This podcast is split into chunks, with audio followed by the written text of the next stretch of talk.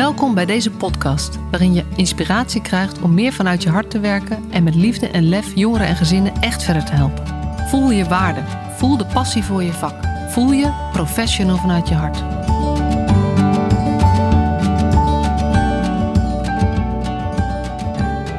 Ja, goeiedag. Daar zijn we weer. Een nieuwe aflevering van de Professional vanuit je hart podcast. Heel erg leuk dat jij er weer bij bent. En mijn naam is Masha Struik. Ehm, eh, en uh, ik ga er altijd maar van uit dat iedereen die deze podcast luistert dat weet. Maar van de week kwam ik erachter dat dat helemaal niet zo is. Want ik, uh, ik ging een training geven aan een basistraining bij Jeugdformaat. En het was online. Dus we waren van tevoren een beetje aan het kletsen, een beetje aan het kennismaken, terwijl iedereen binnendruppelde. En op een gegeven moment zei een van de deelnemers: hey, ik ken jouw stem. Je hebt zo'n bekende stem kan het zijn dat ik je uh, in een podcast gehoord heb. Dus uh, nou, toen hadden we het er even over. En toen bleek dat zij vorige week of die week ervoor begonnen was met de podcast luisteren. En um, nou ja, nog niet mijn naam daarbij had gezien. En in ieder geval niet had gecombineerd dat ik dezelfde persoon was als die haar de training kwam geven um, uh, deze week. Dus toen dacht ik, ja, dat intro moet ik maar eens gaan wijzigen. En dat denk ik al langer. Maar het is ook weer zo'n uh, zo'n dingetje. En zoals je um, een beetje weet als je dit al uh, langer volgt, heb ik een beetje een hekel aan dingetjes. Um, want dan moet je weer iemand anders gaan inschakelen. En um, wat ik niet wist, maar het muziekje wat ik hiervoor gebruikt heb, waar ik erg enthousiast over ben, staat op een bepaald platform. En dat kan je alleen maar gebruiken als je gewoon lid bent van dat platform. Dus uh, dat is dan 200 euro per jaar of zo. Uh, en je kan niet één los muziekje ervan downloaden. Dus het is dan rechtenvrij. Nou ja, allemaal technisch geschizzel. Waar ik dus helemaal niet zo blij van word, want het is veel gedoe. En gedoe, uh, nou, dat probeer ik zoveel mogelijk te vermijden, want dan krijg je energielekken en zo. Maar uh, na afgelopen week dacht ik toch, ja, het is echt tijd dat ik mijn, uh, mijn intro en mijn outro weer eens tegen het, eventjes, tegen het licht ga houden en opnieuw ga inspreken. Maar ik wil wel graag met hetzelfde muziekje. Dus ik zoek nog even een, uh, een mogelijkheid om daar uh, nou, iets van te gaan maken. Gaat vast goed komen. Um, ja, waar ga ik het vandaag over hebben? Het is een solo podcast en die vind, je, uh, vind ik altijd lastiger dan die gesprekken, zoals je ook al weet waarschijnlijk.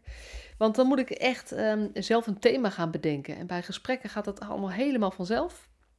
En bij solo podcast op de een of andere manier zit er meer druk op. En dan ga ik veel meer in mijn hoofd zitten. En als ik in mijn hoofd zit, dan um, ga ik krampachtiger formuleren. Dan ga ik naar mezelf luisteren terwijl ik praat. En dan blijkt je opeens uh, zinnen niet af te maken of heel vaak eu te zeggen. Of um, uh, allerlei andere gekke dingen die je gaat horen als je heel kritisch naar jezelf luistert. Dus um, het is altijd een beetje puzzelen. En ik heb hem ook lekker lang uitgesteld. Want het is nu al zondagavond 9 uur. En morgenochtend, 6 uur, moet die online staan. En dat moet van niemand, behalve van mezelf. Maar dat is nou juist waar ik, wat ik zo kick vind, dat het me ook gewoon iedere keer weer lukt. En ik moet ook eerlijk zeggen, zonder die strakke regel van mezelf um, zou, het, zou, die podcast, zou ik die podcast vandaag niet maken. En um, dat vind ik eigenlijk wel een mooi thema om het vandaag met jullie over te hebben. Want ik heb uh, op, uh, op mijn uh, wc een scheurkalender hangen. Zoals misschien ook velen van jullie. Uh, wij hebben de, ik, vroeger had ik heel vaak de scheurkalender van uh, Loesje en dit jaar hangt er de scheurkalender van Omdenken. En een paar weken geleden hingen, net is elke dag een mooie quote. Um, en deze quote hing er um, een paar weken geleden. Waar regels zijn, stopt het denken. Waar regels zijn, stopt het denken. Um, en da daar heb ik ontzettend veel gedachten bij. Um, want in eerste instantie dacht ik, ja, inderdaad. En het is belangrijk dat we mensen zelf, um, uh, dat je altijd zelf denkt en dat je altijd uh, mensen uitdaagt om, om zelf te denken. Want ik geloof dat zelfdenken en zelfverantwoordelijkheid nemen voor je leven heel sterk met elkaar samenhangen. En ik geloof er heel erg in als je uh, meer verantwoordelijkheid neemt voor je leven, meer verantwoordelijkheid ervaart, dat je dan ook meer geluksgevoel kan ervaren. Of meer het gevoel kan ervaren dat je grip hebt op je leven, of hoe je het ook maar wil noemen. Um, maar toen, nee, toen ik dus na aan het denken was over het opnemen van deze podcast, toen dacht ik ja, soms is het ook super helpend als het denken even stopt. En dan neem ik maar even het voorbeeld van deze podcast. Um, doordat ik de regel heb voor mezelf, iedere maandag om zes uur s morgens komt er een podcast online, punt. Het is geen voornemen. Het is geen suggestie. Het is niet een gewoonte. Het is echt een commitment. Dat klinkt, ik vind regel dan een beetje negatief klinken, maar het is echt een commitment dat ik gemaakt heb naar mezelf. En dat maakt ook dat ik niet na hoef te denken over of ik het wel wil. Weet je, ik heb dan. Ik, nou, het is vandaag prachtig weer. Dus uh, we waren vandaag lekker de hele dag buiten en met de kinderen en gezellig. En um, uh, vanavond nog even wat andere dingetjes doen. En nog steeds lekker buiten. En uh, ik, had, ik had geen zin om naar mijn computer te lopen uh, en dan een podcast te gaan inspreken. Dus um, dat hoort er ook wel eens bij. Dat is ook de achterkant hè, van, die, van die iedere maandag wat posten. Maar in dit geval hielp die regel mij dus wel. Dat commitment wat ik gemaakt heb. Iedere maandag, geen uitzonderingen, punt. Want nu hoefde ik dus niet na te denken of ik er wel of geen zin in had. Uh, ik heb namelijk soms niet zoveel zin in het. Ja, het klinkt nu heel erg alsof ik hier met tegenzin in de microfoon aan het praten ben. Zo erg is het niet. Maar um, het, op dit moment zou ik liever even nog bij mijn kinderen zitten. Uh, mijn, mijn oudste die uh, gaan net zo'n beetje naar boven toe. Dus ik had liever dit, um, dit half uurtje even met hen doorbrengen. Maar dan wordt het voor mezelf weer te laat. Dus het is echt vanwege het commitment dat ik nu kies um, uh, om dit op te nemen. En dat voelt zo kick ook weer, omdat ik daarmee mijn eigen reeks ga volhouden. En nou ja, ik, ik weet niet hoe het met jullie zit. Sommige mensen zijn ontzettend goed in reeksen uh, met zichzelf volhouden. Ik ben er eigenlijk heel slecht in. Ik maak allerlei afspraken met mezelf waar ik me niet aan hou. Uh, en ik heb wel eens gehoord dat uh, uh, je niet aan afspraken met jezelf houden je zelfvertrouwen enorm ondermijnt. Dus dat heeft me wel aan het denken gezet. omdat als je met iemand anders, ja, iemand anders gewoon afspraken maakt en iemand die zegt de hele tijd af, of iemand komt altijd te laat, of iemand um, valt het altijd anders op dan jij, dan op een gegeven moment vind je die, mens, die persoon minder betrouwbaar. Dan ga je minder snel op hem of haar bouwen. En uh, ik hoorde op een gegeven moment een uitleg. Uh, dat was wat verhalender dan ik, hoe ik je nu staccato dat vertel. Um, waarin uh, die, um, die spreker zei: Ja, en het is dus precies hetzelfde met jezelf. Als jij afspraken maakt met jezelf, waar je je niet aan houdt, dan ondermijn je iedere keer je zelfvertrouwen. En een van de dingen die je kunt doen om je zelfvertrouwen te vergroten, is je houden aan afspraken met jezelf. En dat klinkt ontzettend simpel. En dat is het ook, behalve om het te doen. Dus um, heel veel afspraken met mezelf hou ik me nog steeds niet aan. Maar deze, over die podcast, dus wel. En de, dan is een regel instellen. Um, die helpt mij ook om, uh, om, uh, om het toch te doen als ik even geen zin heb. Of als even andere, als andere dingen op dat moment beter passen. om het dan toch te doen. En dan is het dus fijn als het denken stopt. Want dat was de quote, hè? waar regels zijn, stopt te denken. Uh, maar in heel veel andere situaties, en dan denk ik ook even gewoon hoe ik mijn kinderen opvoed, um, betekent een regel uh, wel rust. Want je, weet je, het geeft structuur, het geeft veiligheid, het geeft um, gewoon een, een, helderheid. En, en dingen gaan soms ook gemakkelijker als je ze dan ook maar goed handhaaft. Uh, dus ik probeer niet te veel regels te hebben en, uh, en ze wel uh, gewoon te handhaven. Ik heb, ik weet niet of je dat weet, ik heb vier kinderen van 13, 11 en 6 en 4. De jongste twee zijn net jarig geweest. Um, en dat betekent dat we ook met alle leeftijden een beetje te maken hebben. Dus dat je ook uh, dat regels best ingewikkeld zijn. Dat je soms voor die oudste wat zou willen, wat voor de jongste nog niet geldt. Nog niet geldt. En omgekeerd ook. Dus heel erg zwart-wit kan ik er niet mee omgaan. Maar um, regels, duidelijke regels voorkomen ook wel een hele hoop discussie. En tegelijkertijd zorgen regels ervoor dat kinderen of mensen, denk ik, um, minder hun eigen afwegingen leren maken. Of um, minder leren om zelf in te schatten wat voor hen uh, goed is of minder goed is.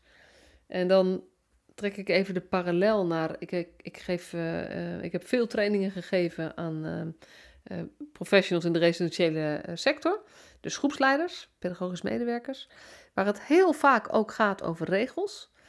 En waar, ehm, waar ook dit echt wel een thema is. Van je hebt die regels toch nodig. En dan heb je huisregelboekjes met soms wel 50 regels.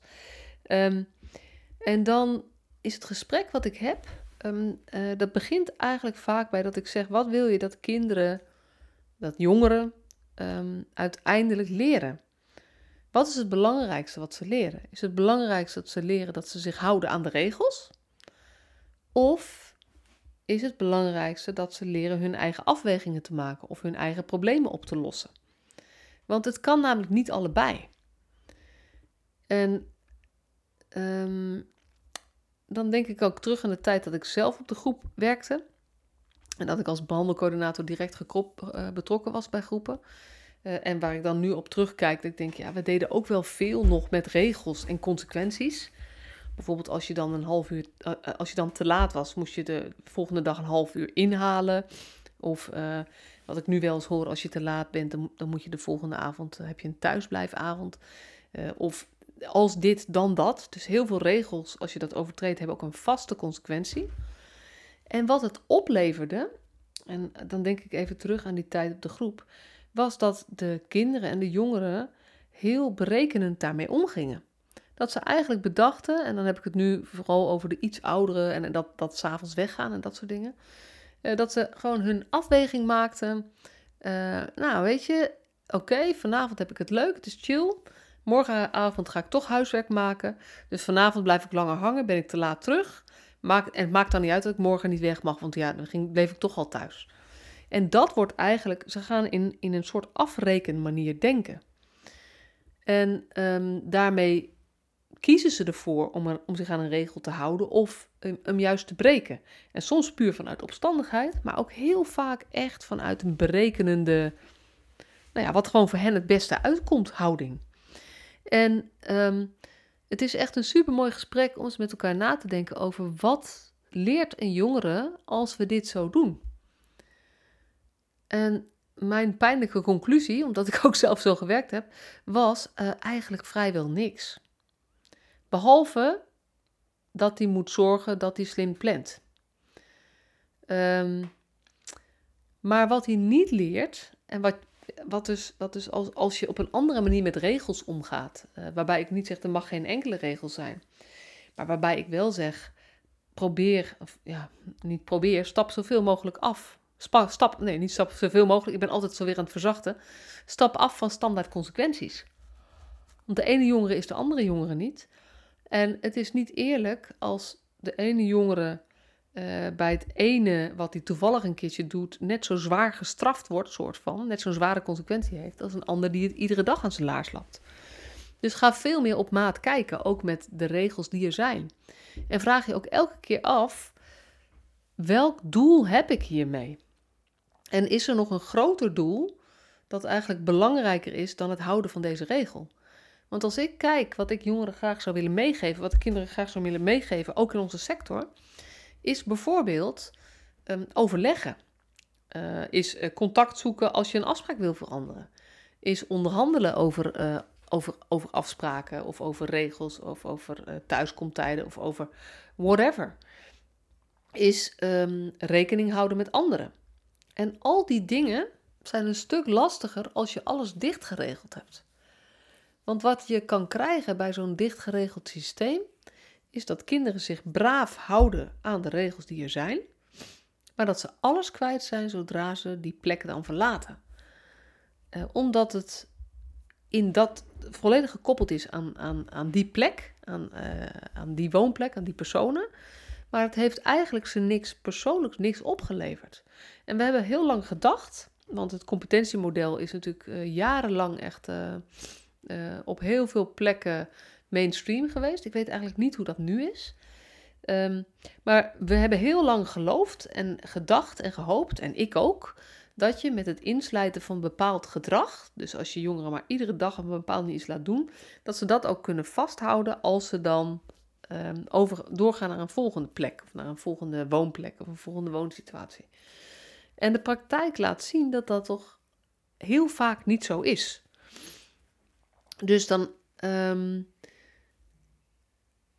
er zal op de een of andere manier iets intrinsieks bij moet zitten voordat jongeren het ook gaan meenemen naar hun eigen setting of hun eigen plek. En dat is best wel een uitdaging. Ehm, en dat is ook wel eh, iets om over na te denken. Van, van, van waar gaat het hier nou om? En ja, ik, ik lees natuurlijk die quote van Omdenken voor, maar eigenlijk moet ik denken aan een, een ander citaat wat ik veel gebruik. Ehm, Most things are a complete waste of time, and a few things are incredibly important. Most things are a complete waste of time, and a few things are incredibly important. En dat is echt een quote. Die, die hangt samen met die 80-20 regel. Ik weet even niet meer van wie die is. Een soort van verbasterd naar hoe ik hem wil gebruiken. Um, maar het zet je wel aan het denken van waar ik nu uh, me druk over maak. Waar ik nu mee bezig ben met deze jongeren. En dan, zeker als het gaat over regels, vind ik dat heel erg belangrijk. Dat je je afvraagt, waarom doe ik dit? En als je het dan naast deze quote ziet, is het dan incredibly important of in het licht van, van de levensloop eigenlijk een complete waste of time? En dan, ja, dan ga ik nog weer zo'n grappig voorbeeld noemen. Uh, neem eens eventjes de, de, de regel, huisregel of niet, uh, of de discussie binnen een groep of kinderen wel of niet eerst een boterham met hartig mogen en moeten. Of dat ze uh, hoeveel boterhammen met pindakaas ze wel of niet mogen. Of dat ze tosti mogen of niet en op welke dagen. Um, dat, dat soort gesprekken. Die heb ik zo ongelooflijk veel gevoerd, eerlijk gezegd ook. Maar ook meegemaakt. En die hoor ik ook terug van de teams. Want iedereen moet altijd lachen als ik dit voorbeeld geef. Dus dit komt gewoon veel voor. Omdat uh, ik dan ook. Uh, en dan zeg ik ook van joh, moet je eens even voorstellen. Zo'n thema, daar kan je zomaar één keer in het half jaar of één keer in de vier maanden als team in de teamvergadering met elkaar over gaan zitten sparren. En um, nou, ga er eens vanuit dat je daar dan een half uur met elkaar over hebt. Keer acht aanwezigen. Uh, plus nog de zeg maar, zeven groepsleiders, gedragswetenschappers, stagiaire, teamleider. Dus we zeggen dat in totaal nou, misschien wel negen of tien mensen bezig zijn met deze regel. Uh, eh, maal een half uur. Moet eens kijken hoeveel tijd dat kost. En dat komt iedere vier, vijf, zes maanden weer terug. Want dan is er weer onduidelijkheid, dan moet het weer aangescherpt worden. En als ik je dan, als je, nou ja, niet zozeer ik, maar als je jezelf dan de vraag stelt: is dit voor deze jongeren nou eigenlijk echt belangrijk? Dan denk ik dat met zo'n soort voorbeeld uh, we het allemaal met elkaar eens zijn. Weet je, er zijn ook voorbeelden die zitten meer in het midden. Dus uh, die, die, laat ik, die ga ik lekker in deze podcast niet noemen, want dat is, dat is lastiger. Maar zoiets als hoe vaak iemand tosti eet. Ja, als je moet kiezen, complete waste of time of incredibly important. Waar gaat het dan over? En natuurlijk kan uiteindelijk het gaan over, ja, maar we moeten de, we hebben, moeten de kaas goed over de week verdelen. Ik noem maar even iets. Maar door het op te lossen met een regel, namelijk alleen op uh, zaterdag en op woensdag mag je tosties maken, um, gaat een kind daardoor leren: hey, als ik een beperkte hoeveelheid heb, zal ik dat moeten verdelen over de week. Of stopt hij met denken en gaat hij schoppen tegen die regel, want hij wil ook op zondag een tosti. En dan mogen jullie hem weer uitleggen. En dan, houd, weet je, dan krijg je die discussie. Dus um, die regel kan soms heel um, vanuit een goede intentie bedacht zijn. Ook een bepaalde helderheid. En dan is het eerlijk voor alle jongeren. Er zijn allemaal goede argumenten voor. Maar als ik het dan terugbreng voor mezelf naar, hé, hey, maar wat wil ik nou eigenlijk dat jongeren meekrijgen? En, en, en waar we ze bij helpen in de tijd dat ze op een groep wonen, of misschien in een gezinshuis wonen, of ergens anders wonen, of ook wel thuis eigenlijk. Um, wat wil je nou dat ze meekrijgen? Dat ze leren zich aan de regel te houden van alleen op zaterdag en woensdag tosti en dat ze niet in discussie gaan op andere dagen? Of wil je dat ze uh, snappen, hey, kaas is, uh, zeg maar, nou ja, kaas is best duur. We hebben geen oneindige hoeveelheid. En we moeten zorgen dat we dat eerlijk over de over, dat we dat even goed over de week verdelen. Um, en door die regel is dit gesprek bijna niet meer mogelijk. Want dan gaat het veel meer over de discussie. En dan krijg je ja maar dit en ja maar dat. En ook jongeren hebben namelijk altijd goede argumenten. Uh, en hetzelfde geldt voor die, uh, die potjes broodbeleg. Uh, met, met hoeveel soorten. Of, weet je, natuurlijk zijn er reële argumenten om bepaalde, um, bepaalde dingen mogelijk te maken of niet mogelijk te maken. Maar vraag je altijd af: wat heeft de jongeren eraan dat wij hier strijd over hebben? En sommige dingen zijn de moeite waard om de strijd over te voeren, maar ontzettend veel dingen eigenlijk niet. En dat is natuurlijk uh, wat ze wel zeggen bij opvoeding en wat ik zelf ook wel herken en mezelf heel vaak uh, voorhoud. Pick your battle. Wat ontzettend moeilijk is, want voordat je het weet zit je alweer in een of andere uh, battle. En ik, ik, ik heb met mijn zoon van 13 wat dat betreft wel wat te stellen rond de mobiel en gamen. En toch merk ik elke keer weer als ik op de regel ga zitten, ben ik hem kwijt. En als ik zeg, um, als ik meer het gesprek blijf zoeken uh, en ook dus zelf meer ruimte hou, kan ik er, kan ik, uh, zeg maar, blijft hij zelf meer denken. En um, nou ja, dit is eigenlijk de overweging, de overwegingen die ik had bij waar regels zijn, stop te denken. En eerst dacht ik alleen maar aan van ja, regels hebben ook vooral negatief effect. Totdat ik dus mezelf vandaag de hele dag door aan het denken was, ja, die podcast. Mm, mm, mm. En ik uiteindelijk nu om 9 uur alsnog gewoon een podcast erin knal. Omdat ik nou eenmaal met mezelf die regel heb afgesproken. Maar dan is het wel iets wat van intern komt. Dit is echt intrinsieke motivatie. En, en uh, ik zit dus echt niet met tegenzin dit te doen. Uh, ik heb alleen eigenlijk dingen die ik nog belangrijker zou vinden. Maar dit, uh, zeg maar in, in, in het grote geheel. Um, maar ja, dan zoek ik naar een manier waarop ik het allebei kan doen. Dus, dus um, regels zijn niet altijd slecht, maar vraag je altijd af waartoe dienen deze? En dienen ze nog het doel waarvoor ze ooit zijn bedacht? Want als je op een groep werkt, of als je op groepen gewerkt hebt, of misschien wel in je gezin ook, dat weet ik natuurlijk niet, zijn er vast ook regels die je kunt bedenken dat je denkt, ja, die zijn er altijd al, maar waarom eigenlijk? Uh, en um, nou ja, we kunnen, ik wil nog wat voorbeelden noemen hoor. Bijvoorbeeld dat je niet met je voeten op tafel mag liggen. Of, of nooit eten voor de tv. Vind ik ook zo'n leuke regel. Dat mag dan nooit op groepen. De meeste groepen waar ik uh, mee in gesprek kom, mag dat niet. En dan vraag ik aan die uh, PM'ers die er in de training zitten. Wie van jullie eet wel eens met zijn, met zijn benen op de bank of op tafel met zijn bord voor de tv? En meestal is dat wel minstens de helft van, de, van het team dan zeg ik, oké, dus hoe, wat maakt nou dat je hier zo streng over bent? En er zijn er allemaal redenen voor. Maar vooral denken mensen, ja, het is goed als we, ze soort, als we jongeren een soort duidelijkheid geven. Dan zeg ik, ja, maar het is nog beter, volgens mij, leer je ze meer als je ze gewoon dingen laat ervaren. En regels stoppen de ervaring.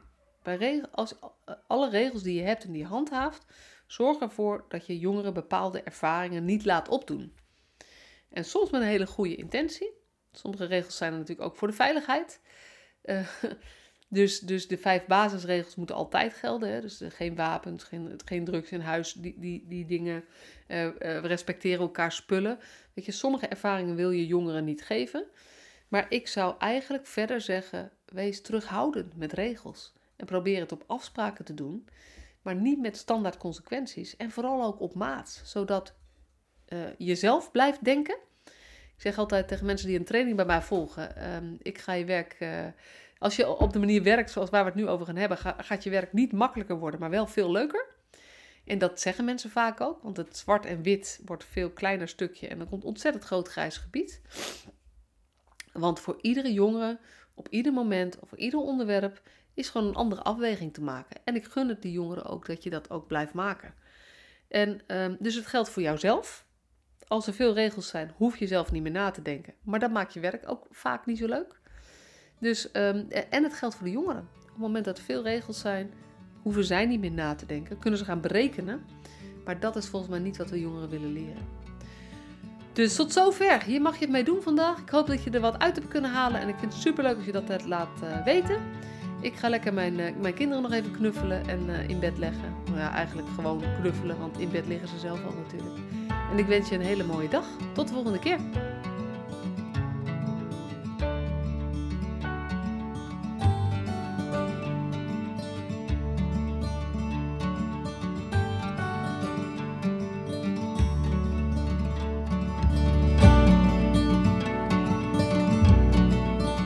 Superleuk dat je weer luisterde naar deze podcast. Dankjewel. Nog even kort een paar belangrijke dingen. Ten eerste, het is mijn missie dat de jeugdhulp weer een sector wordt waarin bevlogen, liefdevolle professionals jongeren en gezinnen echt verder helpen. Daarom maak ik deze podcast voor jou. Wil jij deel uitmaken van deze beweging van Professional vanuit je hart, waarin professionals elkaar steeds opnieuw inspireren? Begin dan met het lezen van mijn boek. Je kunt de eerste hoofdstukken helemaal gratis lezen. Ga naar professionalvanuitjehart.nl/slash boek. Ten tweede, wil je alle podcastafleveringen overzichtelijk onder elkaar? Abonneer je dan op deze podcast. Klik in je podcast-app op de button subscribe of abonneren. En elke keer als er een nieuwe podcastaflevering gepubliceerd wordt, ontvang je automatisch een berichtje. Ten derde, ondersteun je mijn missie? Geef me dan een review via je podcast-app, bijvoorbeeld iTunes of Spotify. Op die manier kan ik nog meer professionals bereiken. En ken je een collega voor wie deze podcast ook interessant is? Dan zou het super zijn als je hem of haar de podcastaflevering doorstuurt. Bijvoorbeeld door de link te kopiëren via Spotify. Ik vind het altijd heel leuk om berichtjes te ontvangen van luisteraars om te horen wat je van een podcast vindt, of als je misschien vragen of suggesties hebt. Of als een aflevering je een bepaald inzicht heeft gegeven of er iets in beweging is gekomen. Stuur me dan even een berichtje op masha.professionalvanuitjehart.nl via de website of stuur me een connectieverzoek op LinkedIn.